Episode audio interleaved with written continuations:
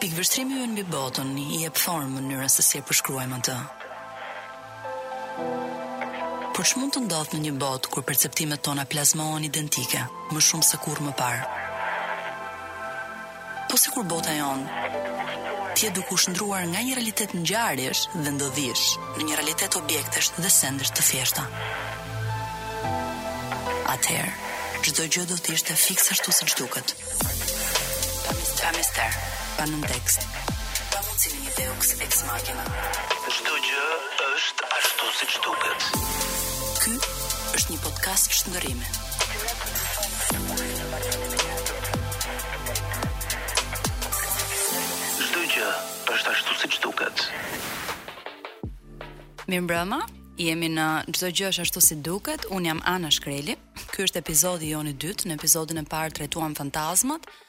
ato fantazma të cilat janë pjesë e legjendave urbane të Tiranës, konceptin e fantazmës në antropologji dhe etnografi dhe së fundmi ndaluam tek fantazma si fenomen shpesh urban i cili vjen sigurisht edhe me proceset e gentrifikimit, duke simbolizuar në një farë mënyrë atë që është e kaluara e qyteteve dhe e shkuara që tenton herë pas here të hyjë në mes.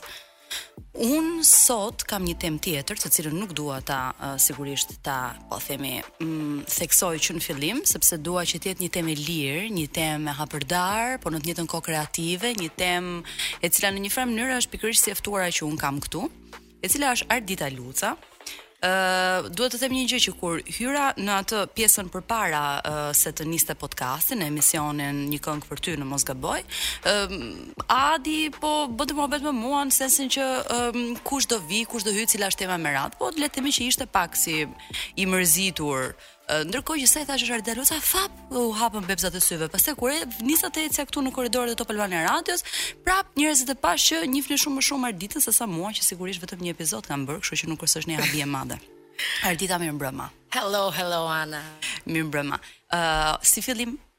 Po. Si fillim një herë, mm -hmm. uh, ne kësaj radhe duke qenë që duhet ta theksojmë njerëzit s'e kanë mësuar akoma, mm -hmm. ky është një podcast në të cilin konsumohen pije alkoolike. E kemi bërë podcastin e parë, në të cilin kishim një dakiri, ndërkohë që mhm. tani kemi një kosmopolitan, kështu që si po, fillim gëzuar. Gëzuar Ana, mirë se të gjeta.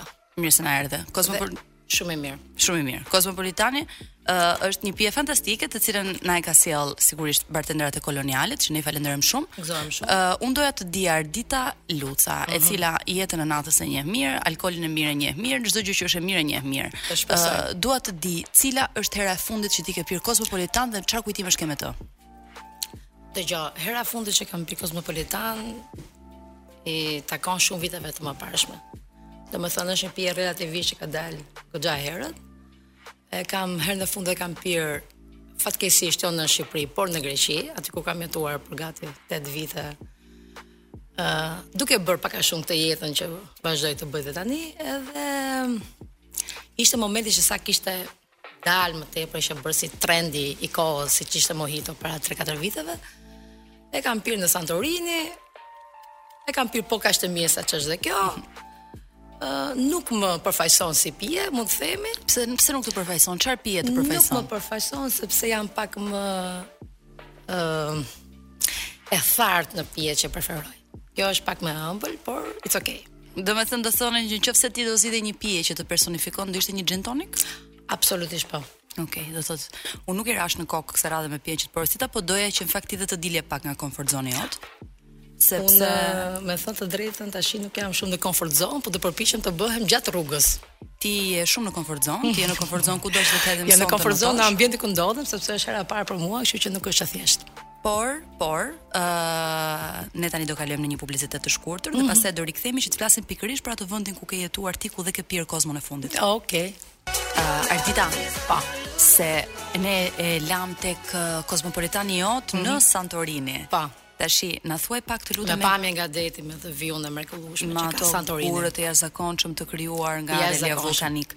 Na thuaj pak të lutem, mm -hmm. uh, eksaktësisht unë kam idenë që për ty ajo ka qenë jetesa në Santorini, siç e përmende, kam idenë që ka qenë një nga gjërat dhe një nga pikat kulmore që e ka shënjuar në një farë mënyre edhe karrierën që ti do të ndiqje më mbrapa jetën që ti do bëje. Në qoftë se quhet karrierë. Patjetër po. quhet karrierë, nuk diskutohet çdo gjë që është e suksesshme quhet karrierë. Kështu që na trego pak të lutem vitet e Santorinit. Po. Tani historia ime në Santorini vijon kështu.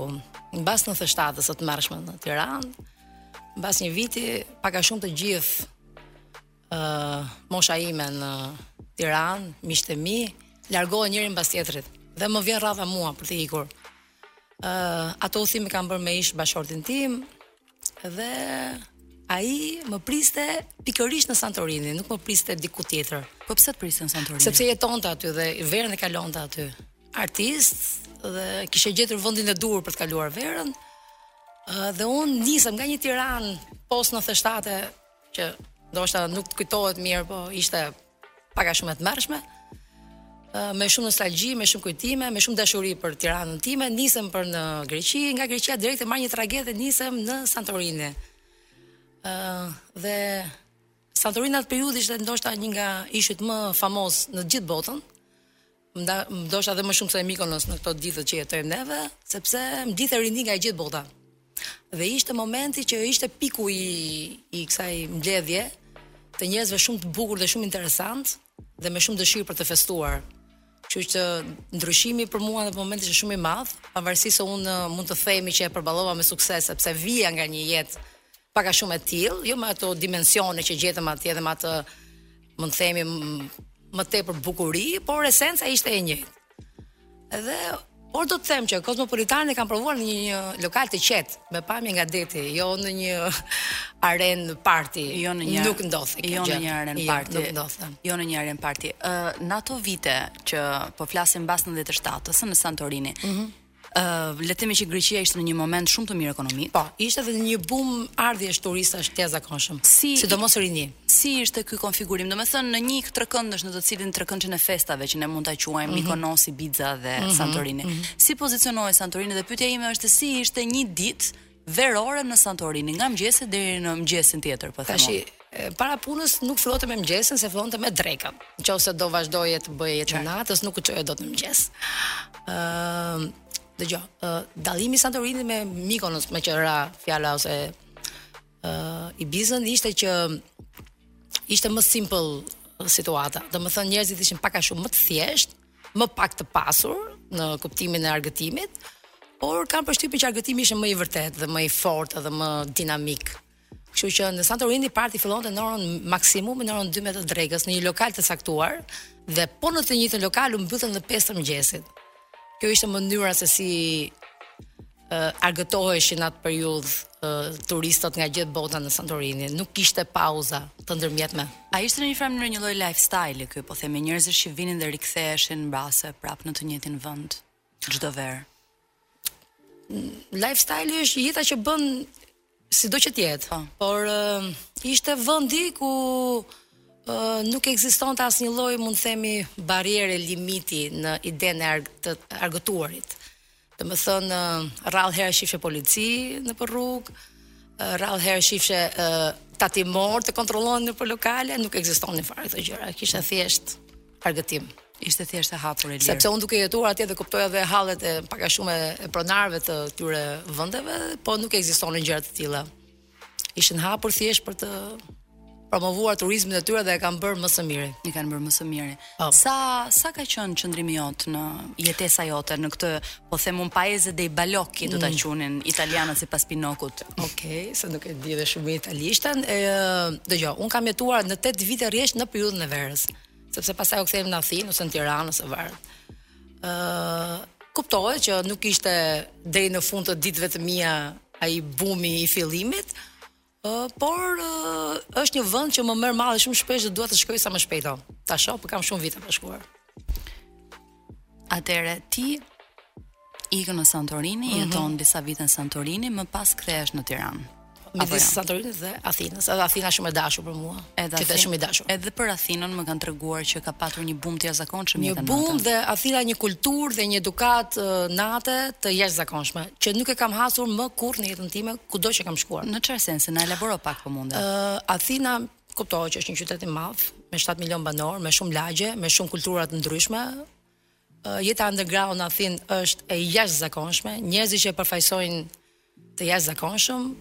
Ëm dhe më bënte përshtypje diversiteti i argëtimit. Domethënë kishte vend për të gjithë. E qartë, pra nuk ishte një rini shabllone, po them. Absolutisht jo, mos them të kundërtën, mund të themi dhe pak rini anarkiste, mund të themi në në dominimin e vet kishte rini anarkiste. Le të themi që dhe unë e adhuroj edhe që edhe politikisht dhe që më pëlqente që e shifsha. Pikërisht, edhe politikisht Greqia është një vend me grupe të forta anarkistësh, një vend në të cilin kemi parë përplasje policore dhe protesta rinore që shkojnë në ekstremin e tyre. Absolutisht po. Gjë të cilën ata janë shumë të vetëdijshëm për çdo hap të cilin ndjekin, gjë të cilën unë e vlerësoj sepse tregon një vetëdije politike shumë të madhe dhe në fakt siç thoshte Aristoteli ne jemi kafshë politike në thelb, kështu që Sidomos bën përshtypje e rinisë, një vetëdije e rinisë politike e jashtëzakonshme dhe një aktivizim të themi real ë koherent me politikën që ata ndjekin, ata janë gjithë kohës në survejim të asaj që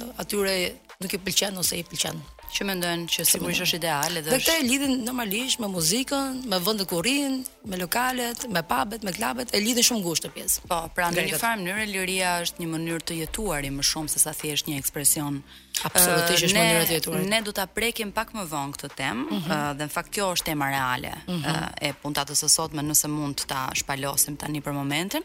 ë e cila do të dëshmojë mm -hmm. se mhm. si Uh, kur i kam thënë njerëzve që do të bënim një podcast sot për jetën e natës, mm. s'e kanë parë si një temë e më mirë jeta natës, një gjë fare, oh, e lehtë dhe punë e madhe kanë bërë të gjithë. Mm -hmm. Në fakt nuk është ashtu.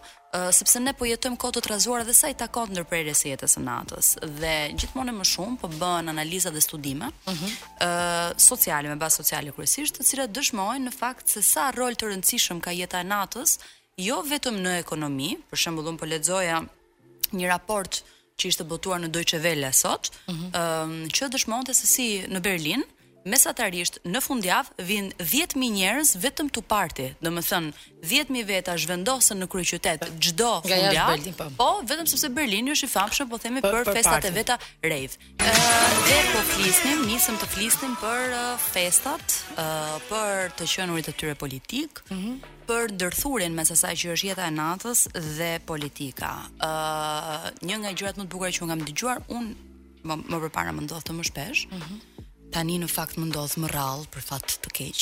Ë uh, kur kam qenë në Berlin, uh, që është një qytet i cili është i njohur për party-t e veta rave, të cilat vazhdojnë nga dyzet e tetë shtatëdhjetë e dy orë pa mbarim të vënë një gjë këtu te dora hyn dhe del aty po. lind për perëndon sa të mundesh sa të kesh fuqi eksakt dhe ti vazhdon ndërkohë mm -hmm. kërcen edhe e jeton këtë në mënyrë të shfrenuar fundjavën që po thonin po që Berlini mirëpret 10000 njerëz vetëm për këto dhe turizmi Në këtë artikullin e Deutsche Welle-s, po, për ta rilidhur pak më përpara, thoshte pikërisht këtë, thoshte që në gjatë viteve 80, kur nisi ajo që quhet bumi i uh, suburbanizimit, mm. pra mhm. që njerëzit nisën shkuan të jetonin në periferi, kuptuan mm. që në periferi jetohet më mirë se sa në qendër të qytetit, qendrat e qytetit në darkë ngelën ashtu që quhen si ghost town, mhm. kështu mm -hmm. që planifikuesit urban dhe njerëzit të cilët merren me strategjitë ekonomike të qytetit, zhvillimin mm -hmm. ekonomik, Nisën të mendonin që, wow, si në shëmbullin e Berlinit që mirëpret kaq dhjetëra mijëra njerëz në fundjavë, duhet nxitur jeta e natës, kështu që ka e cila ka sigurisht një faktor shumë pozitiv ekonomik.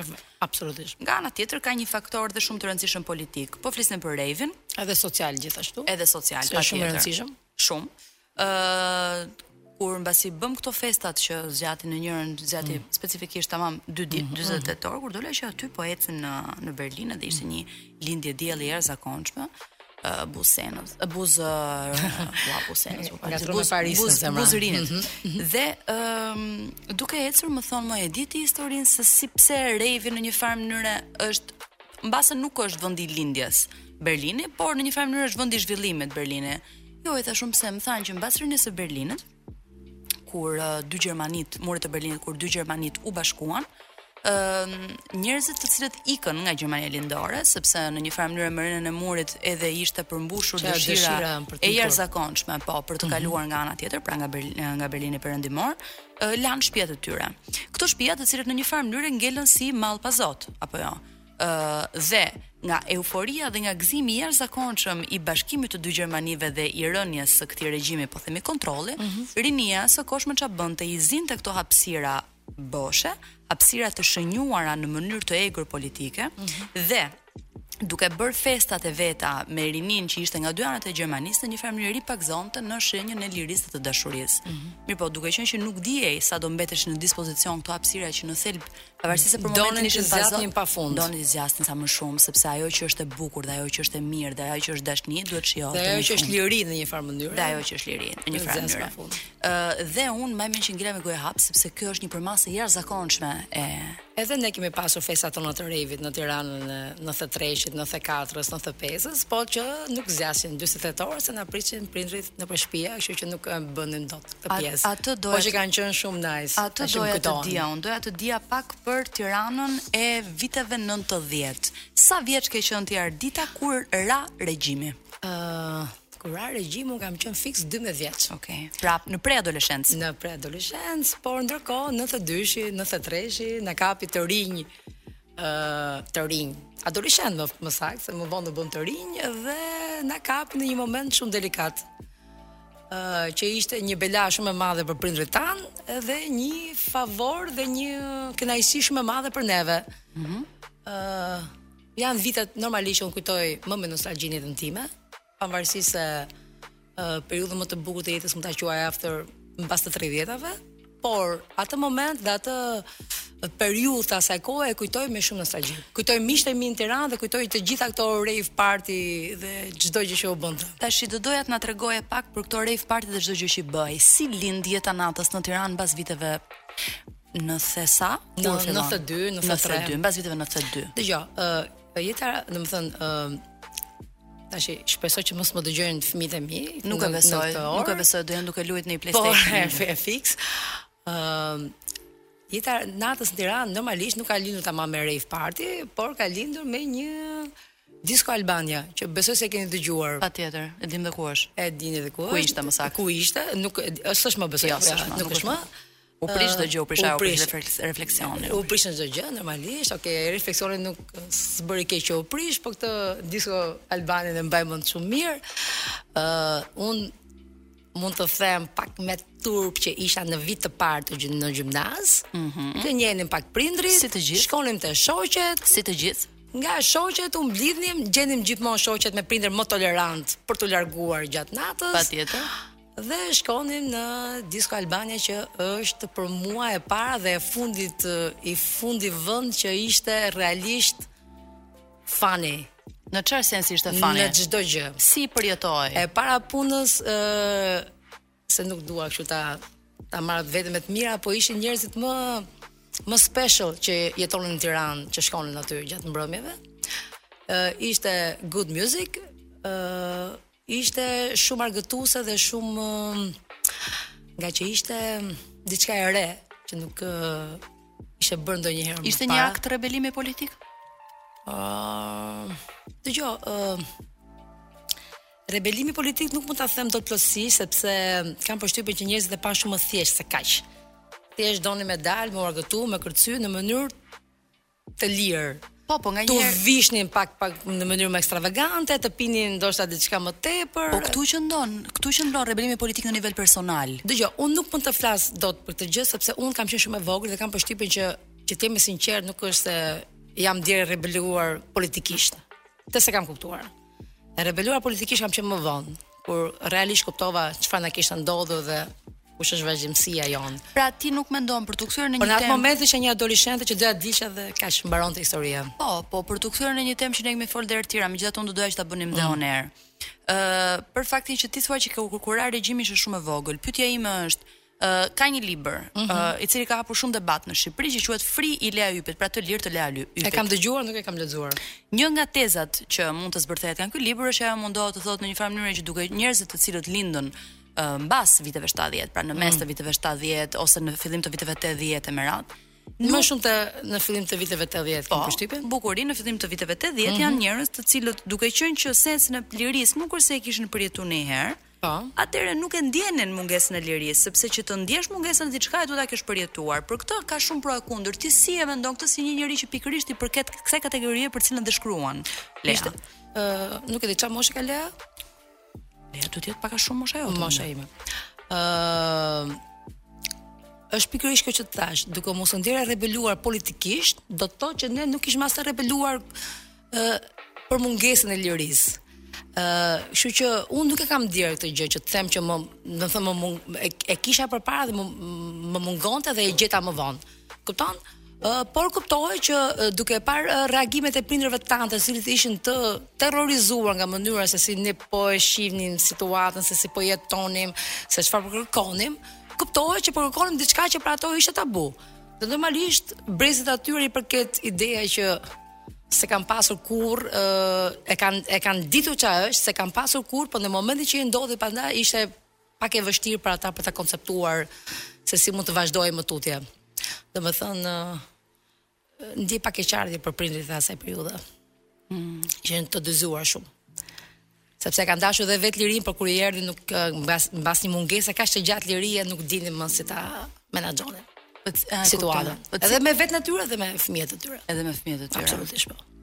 Kjo është një temë shumë interesante. Është shumë e vështirë. Të gjithë në përgjithësi kanë folur për mënyrën se si është menaxhuar liria nga të rinjtë që kanë mhm. qenë në kapërcyell të këtyre dy epokave, po themi. Mm -hmm. Por shumë pak kanë ndaluar realisht të shohin në çfarë lloj dyzimi psikik dhe sentimental duhet të kenë qenë prindërit e asaj periudhe, të cilët ishin të rritur në një trashëgimi tjetër, por fëmijët e tyre kishin mundësi të shijonin atë që kishte qenë gjithmonë tokë e premtuar. Unë e mendoj shumë shpesh këtë gjë sepse duke qenë vetë prind dhe duke e parë ë uh, duke e, e kapur nga afër dhe duke e ndjerë nga afër përgjegjësinë ë uh, ndjesinë e, e asaj dëshirës për të rritur fëmijët siç duhet që deri diku të bëjnë diçka në jetën e tyre, shpesh herë me veten time e mendoj pozicionin e prindërve të mi. Domethënë, më ka rastisur ta mendoj shumë shpesh këtë gjë.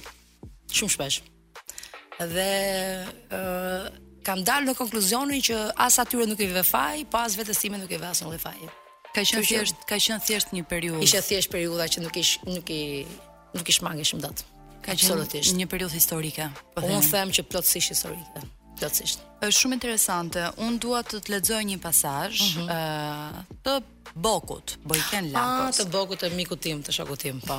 Është që një... e dua shumë edhe është është muzikant. Është muzikant, është muzikant gjitha, vërtet. Gjitha dhe një free spirit. Edhe nga njerëzit që kanë ngelur absolutisht, po, muzikant. Po, absolutisht. Ëh, uh, është një libër shumë i bukur që quhet Albania 90s. Edhe mm -hmm. është libër me fotografi që i ka bërë Robert Pichler. Robert Pichler është një fotograf austriak i cili erdhi në Shqipëri në fund të vitit të viteve 80, fillim të viteve 90 mm -hmm. dhe bëri këto fotografitë. Mbas shumë kohësh uh, pati idenë e mirë që t'i kthente në një libër fotografia, por uh, risia në këtë mes është që këto fotografi janë të shoqëruar me ese të shkurtra. Në mm -hmm. rastin e Bojken Lakut, që flet për muzikën, më fal që të ndërpres një minutë. Jepi.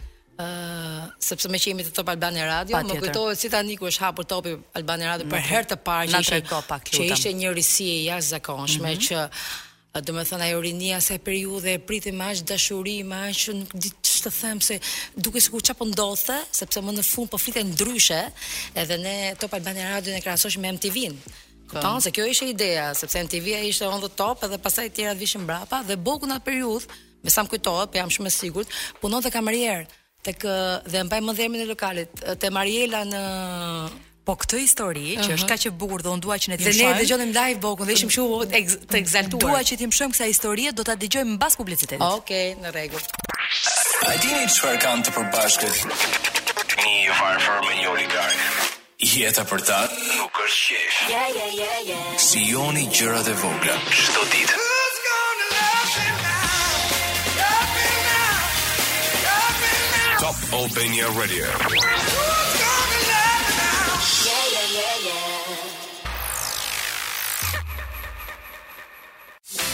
Pesë vite Toptani Shopping Center, pesë vite argëtim, blerje dhe eksperienca të paharrueshme në zemër të Tiranës. Toptani. Festojmë së bashku këtë pesëvjetor me imazhin tonë të ri, pesë ditë aktivitete, ulje dhe shumë dhurata. Eja në Toptani dhe bëhu një nga pesë fituesit e shorteut të madh me super dhurata nga Universiteti Europian i Tiranës, One, Shtëpia Ideale, Big Kids, Alp Tours D, Shtëpia e Lodrave, Limitless Fitness dhe Smile Corner.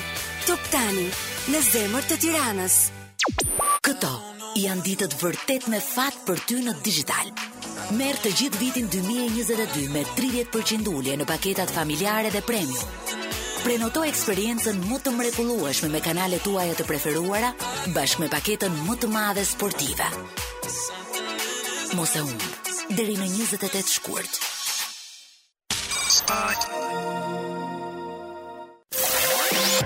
Çdo gjë është ashtu siç duket në Top Albania Radio. Ardita, po flisnim për lindjen e Top Albania Radios, po flisnim për faktin jo, që Jo se rastisi gjëja me Bokun. Boku po, na mhm. tregon këtë histori. Do më kujtohet kjo pjesë. Tamam, ha, më thuaj. Jo, dëgjo, nuk është ndonjë histori e gjatë, po po të thoja që ishte Top Albania Radio ishte një risi. për qytetin e Tiranës, ishte diçka ishte një radio, një një një një si themi një vibe që nuk ishte ndjerë më përpara, rinia e Tiranës e kishte të nevojshme këtë gjë, kishte ardhur koha për ta bërë. Dhe me siguri ë ata që e krijuan ishin të vetëdijshëm për këtë pjesë dhe shumë mirë bënë. Dhe mbaj mend që Boku më duket ka pas një emision atëherë në Top Albania Radio, diçka e tillë ka qenë se me sa kujtoj domethënë, por ne dëgjonim nga lokalet e parkut Rinia, që nuk e di a e ke kapur apo jo. Jo, unë s'kam kapur. Por, e, se më vonë u shembën dhe mirë bënë që u shembën tek e fundit, por aty u bënte gjithë jeta e Tiranës. Aty u vërtiteshin të gjithë njerëzit. Takoheshin me njëri-tjetrin artista, gazetarë, poetë, Si Hatibi, Ervin Hatibi që e dua shumë dhe që nuk e di ku ndodhet tani, ishte shumë intensive, ishte shumë e bukur dhe mm, Boku ka qenë një ndër personazhet më kryesorë të asaj uh, periudhe, flasim artistike. I cili më the që në atë periudhë punonte në një po, lokal. Po punonte kamarier te Mariela, po aty rrinim ne të gjithë. Kupton, ai e bëri për qejf, për për dëshirë, për të ndryshuar pak atë klasiken që ishim mësuar ne të jetonim. që përveç se të ishim të ri dhe mund të punonim dhe mund të kishim shumë gjëra të tjera, në atë periudhë ishte tabu, absolutisht po. Domethënë të punoje në atë periudhë ishte pak si u shifshe pak si me sy kështu. Se duhet të punosh domethënë, por që Tirana në atë moment, në atë moment ndoshta të art i prodhonte të gjitha gjërat. Ndërkohë Boku kishte edhe një studio inçizimi, kishte grupin e vet Fish Hook me mhm. Heldin, Krajën. Mm -hmm me një ndron një album të mrekullueshëm, ka qenë një periudhë shumë e bukur e jetës Tiranës.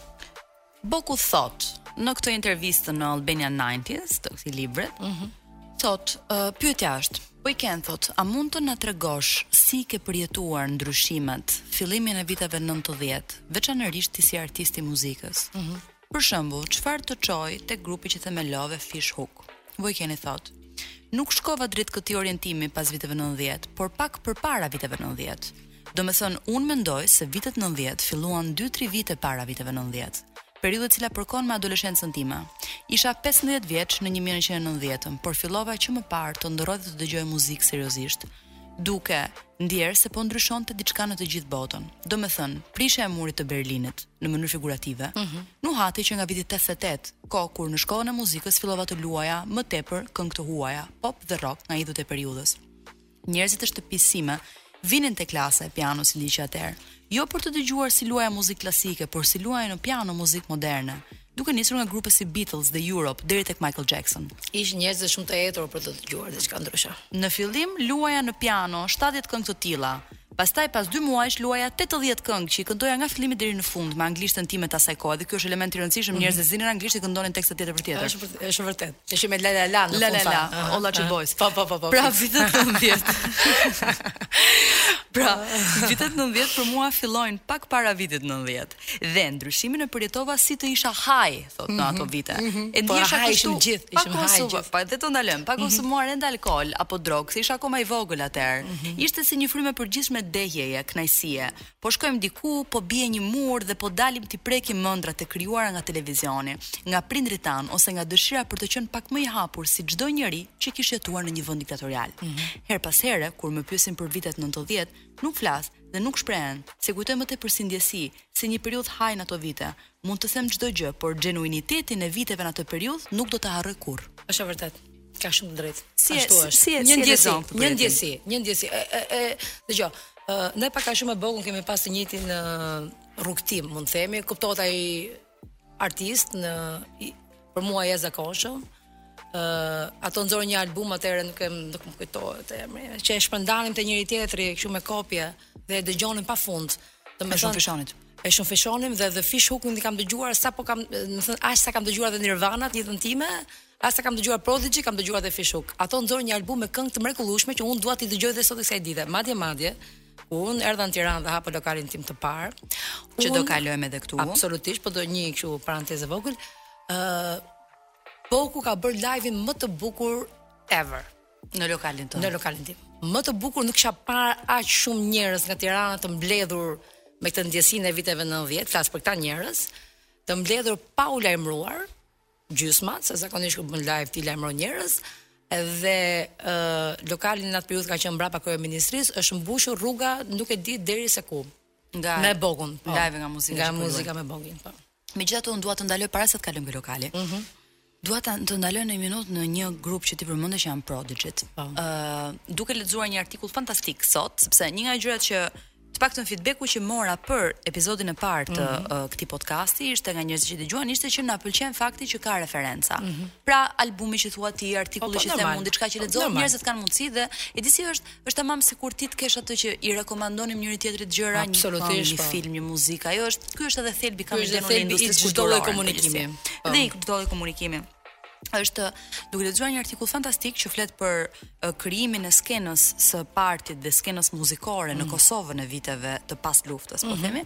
Uh, është një artikull i Kosovo 2.0, shumë i bukur, mm -hmm. në të cilin interviston disa personazhe kyç të kohës, DJ të njohur të kohës që tregojnë se si dhe në vitet e luftës në një farë mënyre nisi kjo lëvizje underground e mhm. Prishtinës, mm -hmm. të cilët e gjenin veten në 2-3 lokale siç ishte për shembull The Three Monkeys, Tre Majmunët mm -hmm. e me radhë. dhe tregojnë që një pjesë shumë e madhe e DJ-ve të cilët nisën pastaj të luanin muzikë tekno dhe muzikë elektronike, mm -hmm kishin qenë metalar në fillimet e tyre dhe grupi që i shërbeu si hallkë për të bërë këtë kalimin nga muzika rock dhe muzika metal në muzikë elektro techno që pastaj luanin në këto disko dhe party underground ishin Prodigy-t në momentin që i dëgjuan për herë të parë ishte një epifani muzikore Nuk e di në çfarë vitesh i kanë dëgjuar kosovarët Prodigy për herë parë? Në periudhën e luftës? Në periudhën e luftës. Që ka qenë çfarë vitesh, se s'më kujtohet? Po para, pa sigurisht para 99-s. Okej, okay, uh, Unë me Prodigy kam kaluar gjithë uh, periudhën time nga mosha 15 vjeç deri kur ika. Dhe fatmirësisht i kam parë para se ky Ëm këngëtari i grupit nuk më kujtohet. Ë i kam parë në Athinë live, live. Prodigy. Okej. Okay. Kështu që pata pata fatin që t'i shoh një herë live Prodigy.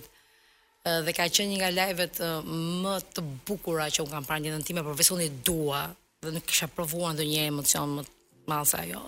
Po nuk kisha parë 20.000 njerëz të rrinin në këmbë. E, e gjithë turma dukej sikur ishte në ajër, jo në tokë. Si susta. Si susta. Domethënë, t'i dëgjosh Prodigy-t mas dy mishit, s'kam faj, kalohet shumë thjesht te muzika e tyre nga uh, metali. Megjithatë duhet të them që edhe për këtë që më the ti, unë e besoj realisht që Prodigy-t në një farë mënyrë edhe në Shqipëri e kanë shënjuar. epokën e viteve 90. Një nga filmat emblematik që janë të kohës është për shembull Unë, ti dhe Kasandra. Mhm. Mm në të cilën në një nga skenat e veta kryesore, ëh, ka Prodigy besoj. Jan luan Prodigy Smack My Bitch Up. ë uh, dhe në një farë mënyre kam idenë që kjo këngë është zgjedhur edhe sepse ka qenë shumë përfaqësuese e kohës për rininë shqiptare, por edhe për periudhën kur ose nuk e di nëse filmi është luajtur realisht në atë periudhë apo thjesht po kufizon atë periudhë. Unë nuk e kam parë filmin, por kam përshtypjen duhet pak më vonë. sa ajo periudhë që flasim. Po. Filmi do të është bërë pak më vonë. Mund të jetë pak më vonë, megjithatë mm. kam idenë që në një farë mënyrë në Tiranë, në Tiranë, në rave party, në everywhere nuk kishte shanse mos luheshin Prodigy-t. Dhe s'kishte si të ndodhte ndryshe. E kuptova. Dashuri uh, në vete. E kuptova. Shumë e bukur. Mhm. Ëm mm -hmm. um, Folëm për ty në Santorini. Po. Ë ti kur vendos të kthehesh në Tiranë dhe si e shikon perspektivën e këtij kthimi? Unë vendos të kthehem në Tiranë krejt rastësisht, sepse jo sepse e kisha planifikuar, por sepse nevojat e mia personale më detyruan të kthehem.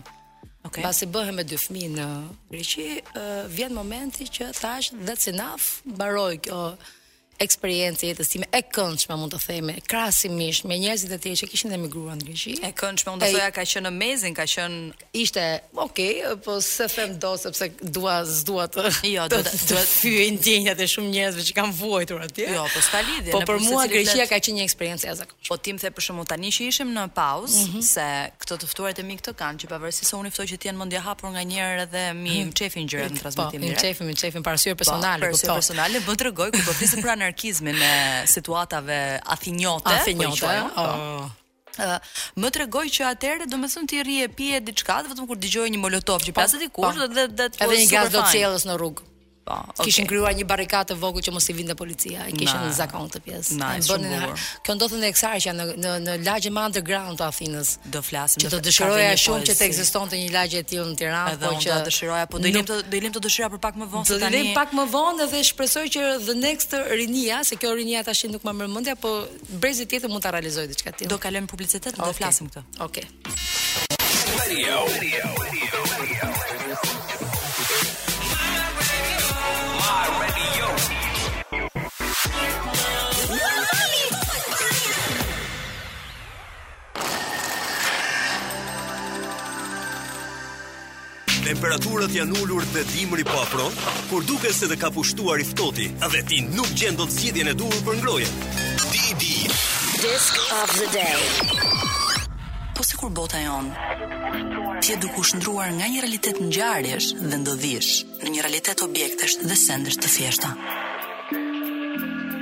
atëherë çdo gjë do të ishte fiks ashtu siç duket.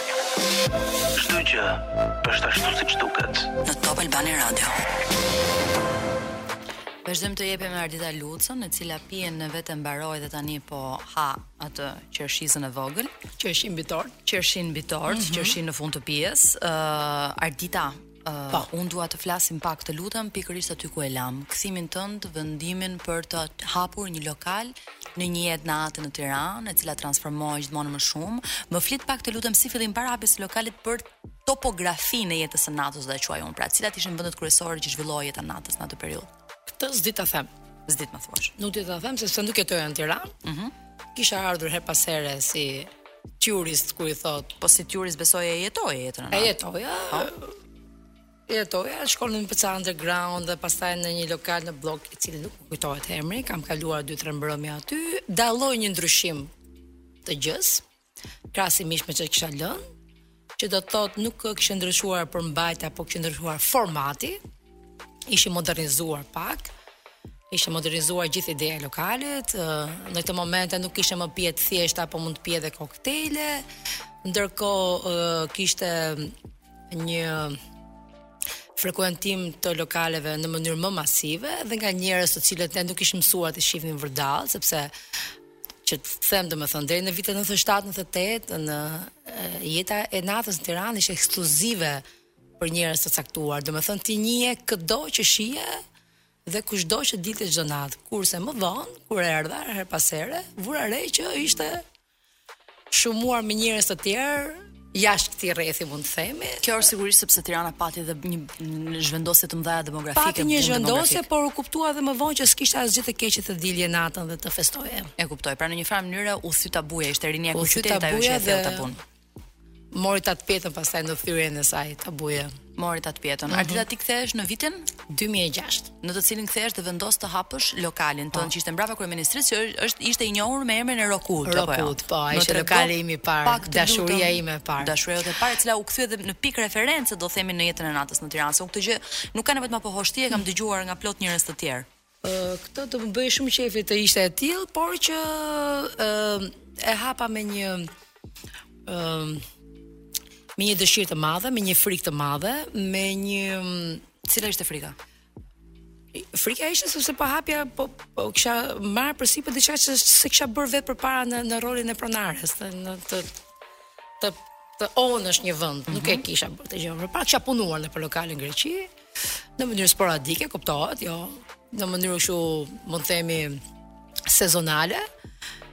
Dhe nuk e di pse, këtë nuk di akoma të them pse, më erdhi në mendje një dëshirë për ta bërë këtë gjë. Ë dhe thjesht e bëra. E bëra dhe u ktheva ë dhe deri në këto momente që flasim këtu bashkë, ë them që me gjithë vështirësitë dhe me gjithë penalitetet në thonjza të vetat, ka qenë gjëja më e duhur që kam bërë në jetën time. Në çfarë sensi na elaboro pak? Në sensin sepse ë un kthehem këtu të kuptosh, nuk kthehem në një moshë relativisht shumë të re, kthehem në një moshë 28 vjeçare. ë Mos harro që kisha dy fëmijë dhe i kam akoma, shqyr Zotit, por që ë uh, ideja të fillosh një lokal në këtë moment të jetës tënde, kupton, është pak paksa e habitshme për shumë njerëz që dëgjojnë tani këtë histori. Ë uh, dhe thjesht e bëra kaq, e mora atë vendin me qira, u ktheva prapë në Greqi, e mendova edhe dy muaj dhe pastaj u riktheva përfundimisht mund të jem kthyer në në qershor të vitit 2006 dhe në gusht a jo në fund të gushtit e hapa lokalin. Ë uh, si u prit nga njerëzit kjo hapja e këtij lokali? Si ishte frekuentimi në jetën e natës të asaj kohe? Çfarë lloj muzike luanit ju në atë kohë? Ne kuptohet që nga emri luanim muzikë rock. Patjetër. Që në atë periudhë për të thënë të vërtetën, luhej në shumë lokale të tjera në Tiranë. Pra ishte muzikë e preferuar. Tani kam përshtypjen që është zhdukur, por që atëherë tani ka pak vende që e luajnë, por le të themi që nuk hyn më në, s'hyn te mainstream. Nuk hyn fare në shihet, kuptohet që shumë shprehen që Rock is dead, por që në atë moment në Tiranë kjo muzikë luhej në shumë lokale të tjera, kuptohet që te lokali im luhej pak më fort, edhe mm, qëlloi që kur e hapa lokalin me këtë frikën e madhe me këto pasiguritë e mia që kisha, sepse nuk ishte e thjeshtë për mua, ë më figuroi që ishte e kundërta, u kthye në një vend ë që të gjithë ish miqtë e mi u bashkuam të gjithë së bashku dhe mund të themi që u kthye për t'ia bërë qefin vetes në një vend kult, në një vend në një vend kult. Po. ë uh, mbrëmjet në të cilat luhej, po themi muzik live. Po. ë uh, është një element që mua më duket shumë interesant që unë dua ta prek këtu. Mhm. Mm të cilin nuk e di sa e vërtetë është, por ne kemi folur më përpara këtë mhm. gjë, un kam dëgjuar nga njerëz sporadikisht kur flitet për hapjen çeljen e një lokali në jetë nate, thuhet gjithmonë që uh, arsyeja se si ose mënyra se si mund të të funksionojë, mekanizmi se si mund të funksionojë është në momentin që në një farë mënyre lokali jot, lokalin tënd bëhet dhe një lloj menaxhim i lëndëve narkotike. Ëh mm -hmm. uh, dhe nëse ti nuk je një njeri i cili arrin ta bësh këtë gjë, atëherë në një farë mënyre mbase nuk i jep dot sukses jetës së natës. Kjo është më se e vërtetë. Po. Ëh, unë këtë gjë e kam dëgjuar nga shumë njerëz, mm -hmm. të thënë off records, por kjo është e vërteta mm -hmm. dhe mhm. ne këtu jemi në çdo gjë ashtu si duket. Nuk uh, skemi pse ta mohojmë këtë gjë. Psychosomatic Addict Insane, Breathe nga Prodigy, të cilët ne i përmendëm pak më përpara në kuadrin e asaj që ishte jeta e natës Tiranë, partitë e para rave të tjerë me të cilën kemi të ftuar sigurisht uh, vazhdojmë të ftuar tonë Ardita Luca. Mm -hmm uh, për të cilën po flisim pikërisht për këtë, për besimin dhe për një uh, më, një po themi mendësi që qarkullon vërdall, e cila me sa duket është e vërtetë, e kam dëgjuar edhe nga njerëz të tjerë mm. që njerëzit që kanë lokale nate të suksesshme janë dhe njerëzit që në një farë mënyre menaxhojnë pikërisht të trafikun e lëndëve narkotike brenda. Ka lokale të cilat me të drejtë nuk bëhen pjesë e kësaj gjëje, pra nuk e pranojnë këtë, ka vende të tjera të cilat e pranojnë. Ardita na trego pak lutem si ndahet kjo topografi e këtij Dëgjo, ë nuk mund të jem shumë precize te kjo gjëja. Precize pa dyshim s'mund të jesh se ti nuk je pjesë e këtij rrjeti, por me si me, si si person që ka menaxhuar lokale. Unë gjykoj, unë gjykoj që në vazhdimësinë e jetës së natës, kuptohet, jo te ne, po në gjithë botën. Patjetër në gjithë botën. Një që të themi të vërtetën dhe mos na vijë keq fare që ë Jeta e narkotikëve nuk mund t'i ndahet dot jetës së natës. Fatkeqësisht është kështu siç është. Dhe kuptohet që lokalet e vogla janë pak më të mbrojtura nga kjo ide masiviteti. Kurse lokalet më të mëdha, kjo gjë kam përshtypjen që ndodh rëndom dhe që do vazhdojë të ndodhi dhe ka ndodhur dhe asgjë nuk e ndryshon këtë pjesë. për të qenë të vërtetë. E qartë, patjetër mm. që uh, në një farë mënyrë ajo që është drogë, mua më vjen keq të them që suksesi i një lokali bazohet te kjo gjë. Të vjen keq, por e mendon. Më vjen keq, por është e vërtetë. Është e vërtetë, se ne këtu jemi për të thënë gjërat ashtu siç janë. Kjo është për të ardhur keq, por kshu ndodh. Është e vërtetë. Në lokale më të vogla mbase situata jo, është më në kontroll. Në lokale më të vogla janë më të mbledhura, njerëzit njihen më mirë me njëri tjetrin, është pak më e vështirë. Kështu që nuk është e mundur të ndodhë kjo gjë. Megjithatë, dhe ajo që quhet drug culture, kultura e drogave, po themi është pjesë e lëvizjeve të mëdha të rinisë së viteve 80, 90 në atë që mhm. quhet ë uh, përvetësimi i të drejtave mbi trupin personal. Ëm mm -hmm. uh, është me 10 qershor të 2017-s, për shembull mhm. për të dhënë një rast, okay. mijëra njerëz marshuan në rrugët kryesore të Tbilisit në Gjeorgji për të protestuar kundër ndalimit të artistëve të hip-hopit bazuar në akuza për drogë duke shënuar demonstratën më të madhe në bazë në historinë e Gjeorgjisë së pavarur që nga revolucioni i trëndafilave të vitit 2003. Këtë e bënë edhe për në një farë mënyre për të lehtësuar dënimin, ë, domethënë masat penale për njerëzit. Dhe kjo do të ndodhi edhe nuk e di pse s'ndodh akoma. Edhe njerëz të cilët për shembull mbaj mend kur ika unë atëherë nga Londra, mbaj mm. mend që një nga protestat më të mëdha që u shënuan asokohe ishte protesta që u bë për mbylljen e klubit Factory që ishte mm. në Londër. Mm. Dhe që u bë pikërisht për këtë arsye, sepse ai klub ishte mbyllur pikërisht për akuzat për qarkullim droge me radhë dhe njerëzit vendosën të protestonin. Shpesh këto lëvizje, kjo është edhe një nga temat tona kryesore, mm. shpesh këto lëvizje, lëvizjet e jetës së natës, kanë krijuar atë që quhet kundërkulturë. nga po. jeta e natës. Si po. rrjedhojë e jetës së natës kanë krijuar kundërkulturë. Kur themi për kundërkulturë, flasim që kanë krijuar, kanë shërbyer si baza kryesore ku kanë lindur artistë, që pastaj janë ngritur në një nivel më të lartë muzikor, po edhe edhe na duhet ta pranojmë që artistët në këtë lloj ambienti kultivohen. Është e pamundur, flasim për artistë të vërtetë, nuk flasim për artistë që Mendojnë që janë të tillë. Patjetër, flasim për atë. Duam, s'duam nga kjo, nga kjo. Jo duam, s'duam, po thjesht duam dhe nga kjo gjë lindin. Se s'ka si lindin ndryshe. Megjithatë nga nga jeta e natës, e cila vjen dhe si një lloj revolucioni që pikërisht në Gjeorgji në Tbilis mori emrin mm. We Dance Together, We Fight Together, okay. sepse krijoi pikërisht në këto zonat mm. e ndryshme të undergroundit. Po. Çfarë është një qytet pa jetë nate, Ardita? Çfarë humbet? Është kjo Tirana që jetojmë tani. Që do të thotë? Ëh, është kjo Tiranë që unë nuk dalloj dot një grup rinor nga tjetri, që është shumë e rëndësishme. Ti thua që ka një lloj shablonizimi në nivel Jo një lloj, po komplet një shablonizim i të gjithë situatës. Unë nuk dalloj dot grup rinor, nuk dalloj dot një grup punk nga një grup rock, nga një grup metal, nga një grup nuk e di çfarë mund t'i themi një emër tjetër. Nuk ka. Janë të, domethënë, un eci nëpër Tiranë. Uh, un jetoj në zonën e Bllokut, sepse mm -hmm. aty kam shtëpinë. Mm -hmm.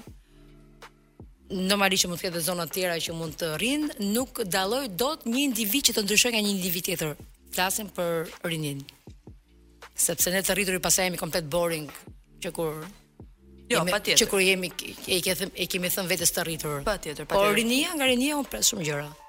Megjithatë, uh, un kam idenë që kjo është një çik për fat të keq, kam idenë që është edhe pak një tendencë globale. Nuk e di si e shikon ti. Mua më duket sikur globalizimi i rrjeteve të informacionit dhe produktet kulturore të cilat shpërndahen në të njëjtën mënyrë, edhe qoftë po duke marrë edhe chain store, dyqanet e rrobave etj etj, fakti që të gjithë shohim Netflix, dëgjojmë të njëjtat gjëra, jemi të ekspozuar ndaj të njëjtave trende në një farë mënyre ka shërbyer për ta shablonizuar rininë në epokën që jetojmë ne.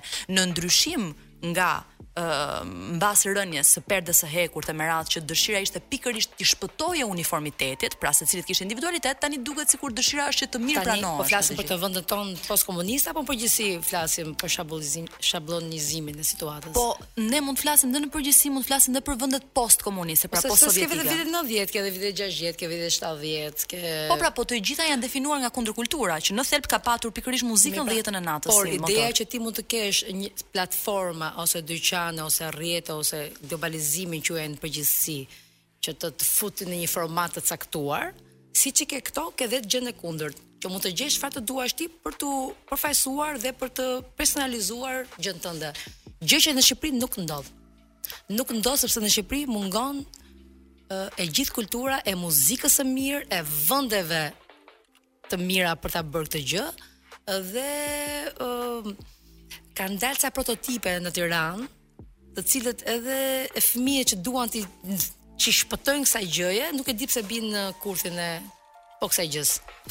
Mbase duke filluar që nga veshja, nga prerja e flokëve dhe nga nga muzika që dëgjojnë dhe çdo gjë, se muzika është çdo gjë. Edhe për mua muzika është çdo gjë. Gjithmonë kam menduar që fillon dhe mbaron gjithë historia. Mua ideja që në në Tiranë të muzikë prodhohet dhe dëgjohet një muzikë.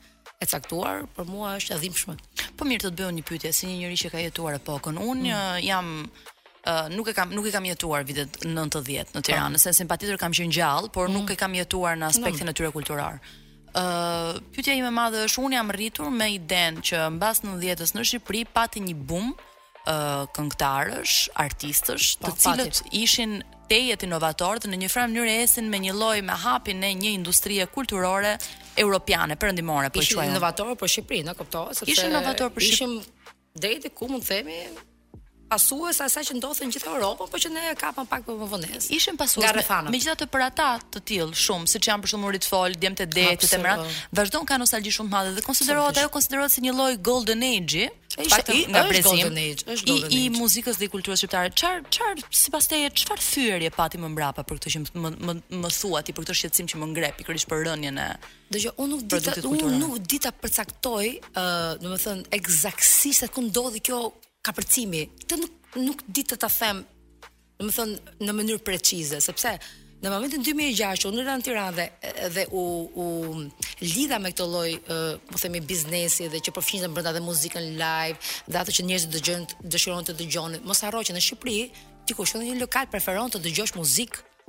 Domethënë njerëzit e kërkojnë muzikën, domethënë duan muzikë të mirë, domethënë është një komponent që futet shumë shpesh në preferencat e klientëve kur vijnë në lokal. Domethënë, në lokal të çfarëdoshëm flas, jo vetëm lokal nate dhe lokal që dëgjohet muzikë live. Domethënë njerëzit janë të vëmendshëm ndaj muzikës. Ti çfarë çar konsideron muzikë të mirë, sepse këtu tani është pikërisht subjektive. Dua të them, domethënë që muzika është një komponent shumë i rëndësishëm. Domethënë kur unë kur kisha rokudin, muzika ishte një, domethënë muzika ishte më e rëndësishme se ajo që pije ti. Ëh, Do të thotë, ajo që dëgjoje ti ishte më e rëndësishme se ç'të ofronte dhe si si ta ofronte kamariere me çfarë sa ta ofronte. Do të thotë, në, në lokal vije me idenë që aty dëgjojmë X muzikë dhe për këtë gjë do shkojmë. Ë uh, më vonë çdo gjë u komercializua në një mënyrë aq të shpejtë dhe nuk e di ku ta vej fajin për këtë pjesë. Ndoshta ose zmadhimit të Tiranës dhe prurjeve në Tiranë të njerëzve nga të gjitha anët e Shqipërisë, ë uh, Pak dhe ky globalizimi që përmende ti dhe po dua të them që ky fenomen ka ndodhur në një kohë rekord. Domethënë, nga aty që ishim mirë e bukur me atë muzikën që do dëgjonim, me ato live që më i përzgjidhshim me aq kujdes, që ai këngëtari që do vinte në live, duhet të këndonte një repertor të caktuar që i përshtatej atyre gustove të, të njerëzve që vinin ta dëgjonin, Nuk e di pse, po rrugës çdo gjë u venit. Do të thotë u Sorry. Kjo ishte ekzaktësisht për syrin e keq. Kush më na pa me sy të keq? S'ma vjen mendja.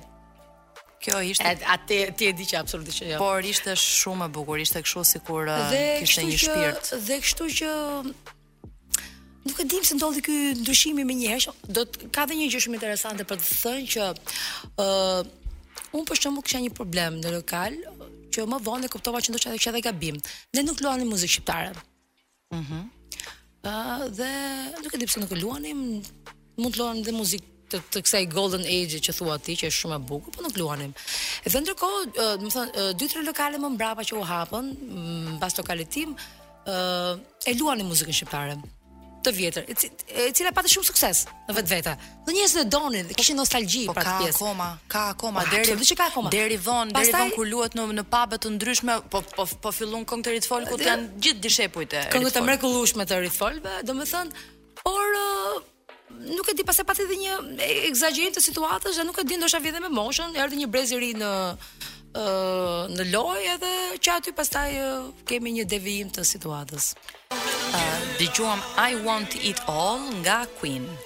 Ë uh, Ardita, Po, folëm për jetën e natës, mhm. folëm për për masën e madhe që kishte folëm për shijet muzikore të njerëzve. Ë, uh, diçka tjetër që më intereson të eksploroj me ty është mm. që shpesh është dëgjuar, uh, shpesh lokalet në një farë mënyre kanë tendencë që të etiketohen si lokale që i përkasin një drejtimi politik ose një drejtimi tjetër politik. Kjo është shumë interesante. Po, po, po, po, po. Unë kështu kam dëgjuar në fakt. Tash s'e di mbase jam gabim, por unë i them gjërat siç mendoj.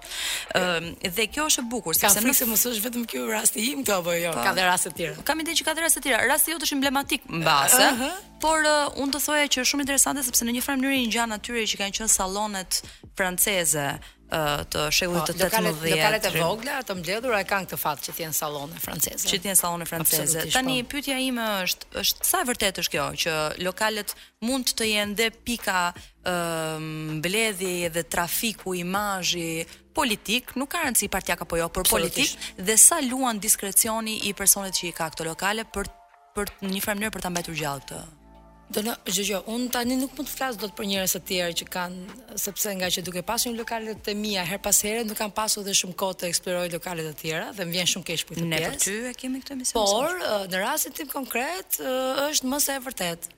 Kemi një trafik të bisedave politike në lokal, të shpeshtë madje.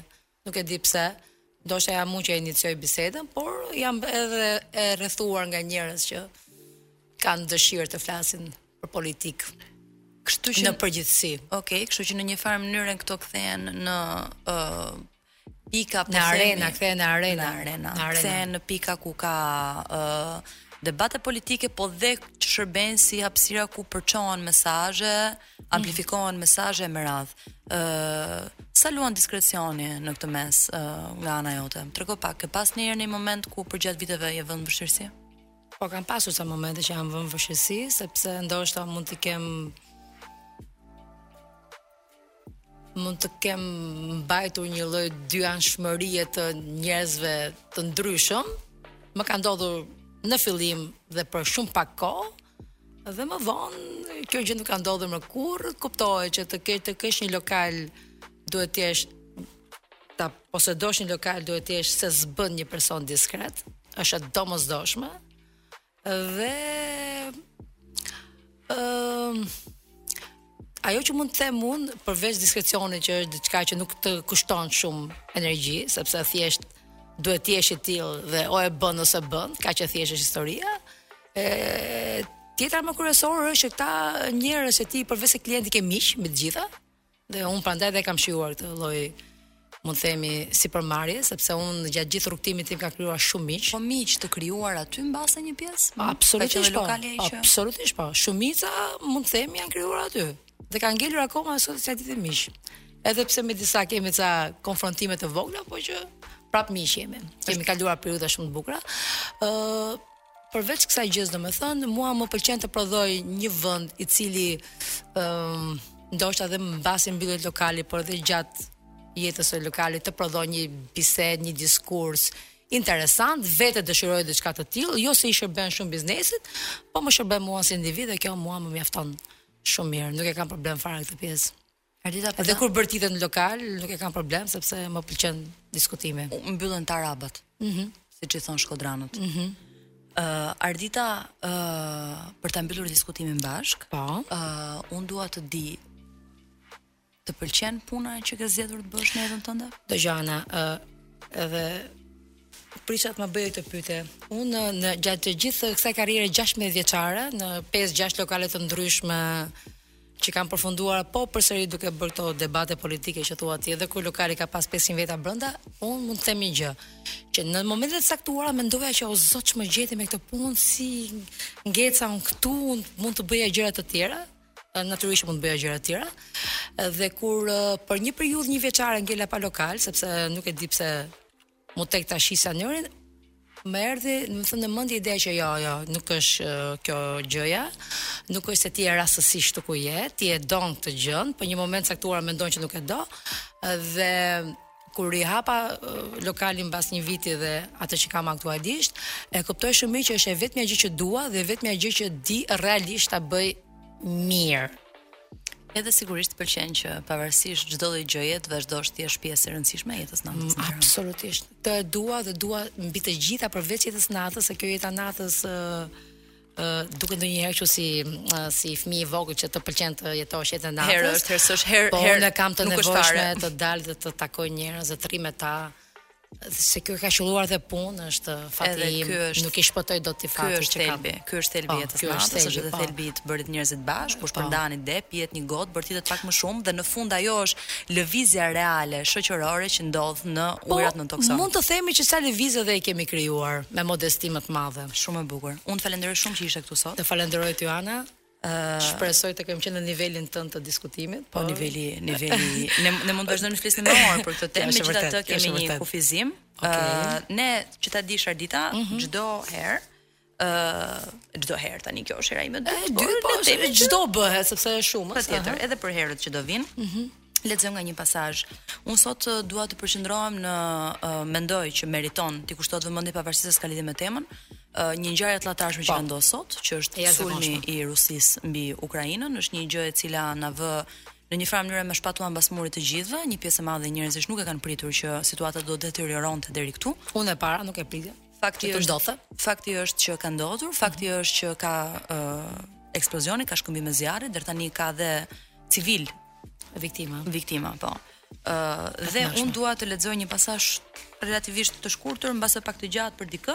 Ë uh, megjithatë është interesant, është pjesë nga një libri Rusia pa Putinin i Tony Wood, i cili nuk është përkthyer në shqip.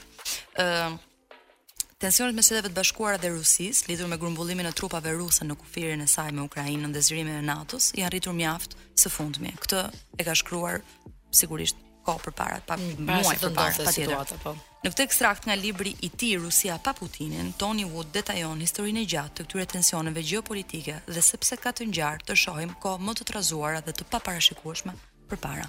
Unë do nis një do lexoj një ekstrakt.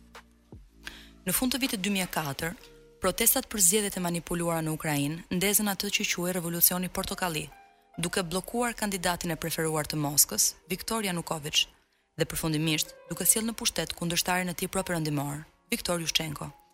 E përshëndetur në Perëndim si një lulëzim demokrat i demokracisë, por e parë në Kremlin si produkt i makinacioneve perëndimore. Kriza e Ukrainës e viteve 2004-2005 ishte thelbësisht e ndryshme nga revolucionet me ngjyra të mëparshme në Serbi në 2000-shën dhe në Gjeorgji në 2003-shën.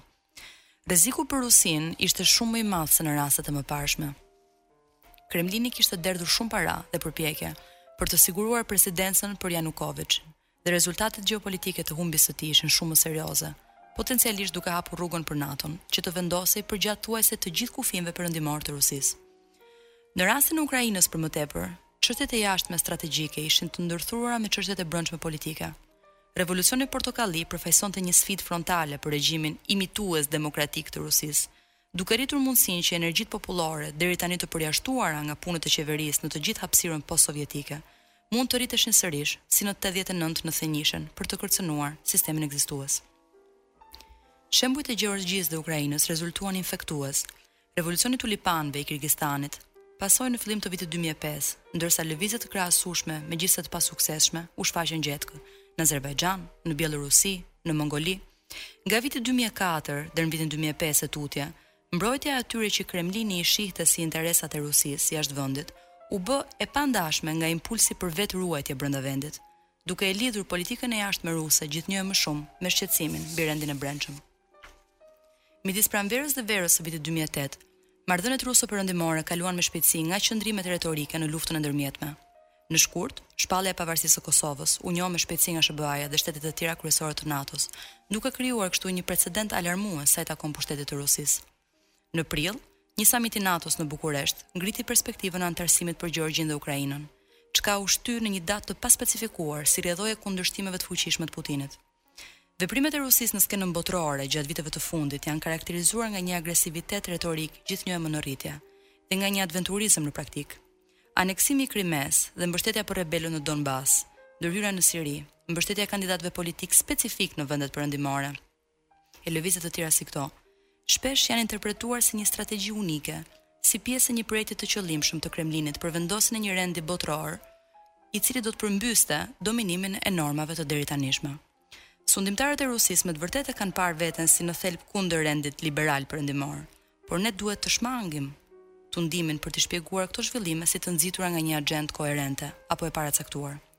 Vendimet e Rusisë janë formësuar në mënyrë më vendimtare nga mjedisi gjeopolitik në të cilin vendi duhet të operojë, dhe ky mjedis dominohet nga fuqi të tjera.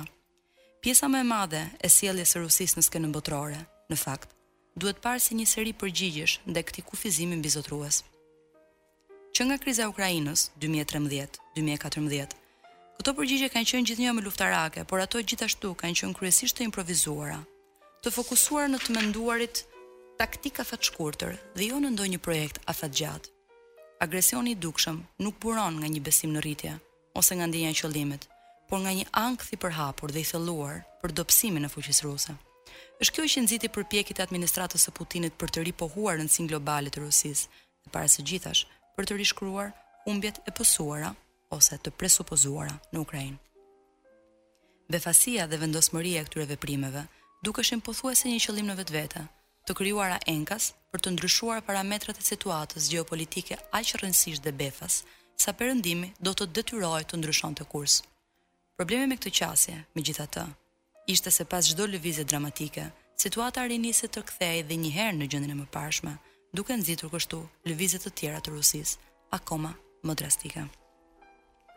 Ky ishte një pasazh nga libri Russia Without Putin uh, i Tony Woods, i cili është uh, një mendimtar politik, uh, shumë aktiv Kohët e fundit, edhe në rrjete sociale, në intervista publike, sigurisht është një deklaratë e cila ka diskutim, nuk diskutohet që çështjet e gjeopolitikës dhe të gjeostrategjisë janë gjithmonë shumë thella, ato kanë njerëz që i shohin në një mënyrë specifike ose jo. Ne dimë që gjërat deri tani po vazhdojnë të lëvizin dhe në Tiranë, në mos gaboj, në orën 5 e gjysmë. Mm -hmm. pati një protestë të shoqërisë civile, ë të mbajtur në zonën e parkut të vëllezërve Frashëri dhe ë duket që gjithmonë e më shumë do të jemi të vëmendshëm për Do të jemi të angazhuar kam përshtypjen në vazhdim. Unë shpresoj, unë shpresoj vetëm që kjo realisht të mos kthehet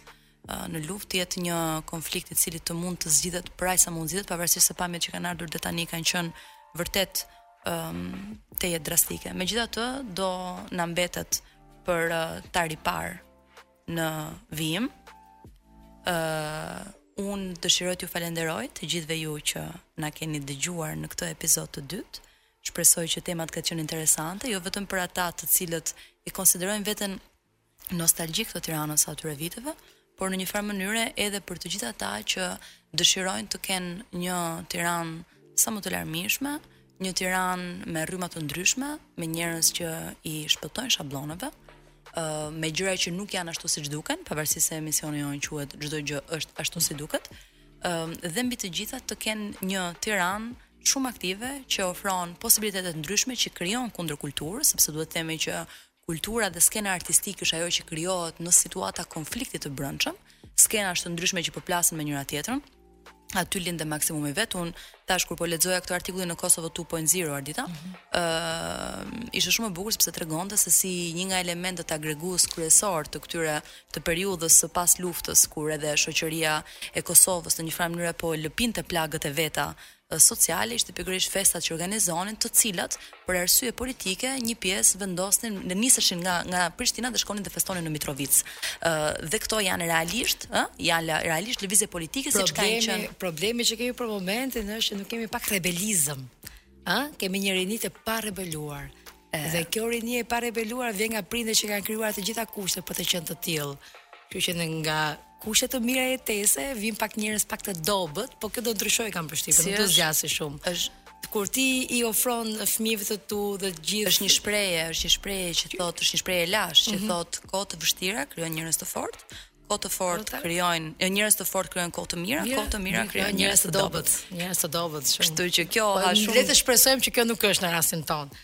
Le të shpresojmë. Le ta kalojmë këtë. Kjo ha shumë uh, diskutim, ne sigurisht që jemi çik politikisht jo korrekt në këtë pikë, por dhe ky politik të qenurit totalisht politikisht korrekt, me thënë të drejtën është kthyer në një lloj është kthyer në një lloj dogme, është kthyer në një lloj ideologjie dhe Ne që s'jemi një herë, po që që pretendojmë ta kemi pastaj është akoma dhe më e rëndë. Jo, ne nuk kemi. Ta pranojmë të paktën. Por kam idenë që detyrohemi ta veshim, e kupton se të kemi një kohë më të mirë, më të argëtuese në këtë pikë. Mos themi kështu. Politikisht jo korrekt, mbase është më argëtuese dhe ka këtë gjë që hap pikërisht debatin, hap diskursin dhe sigurisht që krijon konflikt, pra ka dhe krijimtari kulturore. Unë ju falenderoj shumë. Ju lë sonte në darkë dhe do ritakohemi të enjten që vjen me çdo gjë është ashtu si duket nga Ana Shkreli. Faleminderit, natën e mirë. Ardita, faleminderit. Natën e mirë, Ana, çao, çao.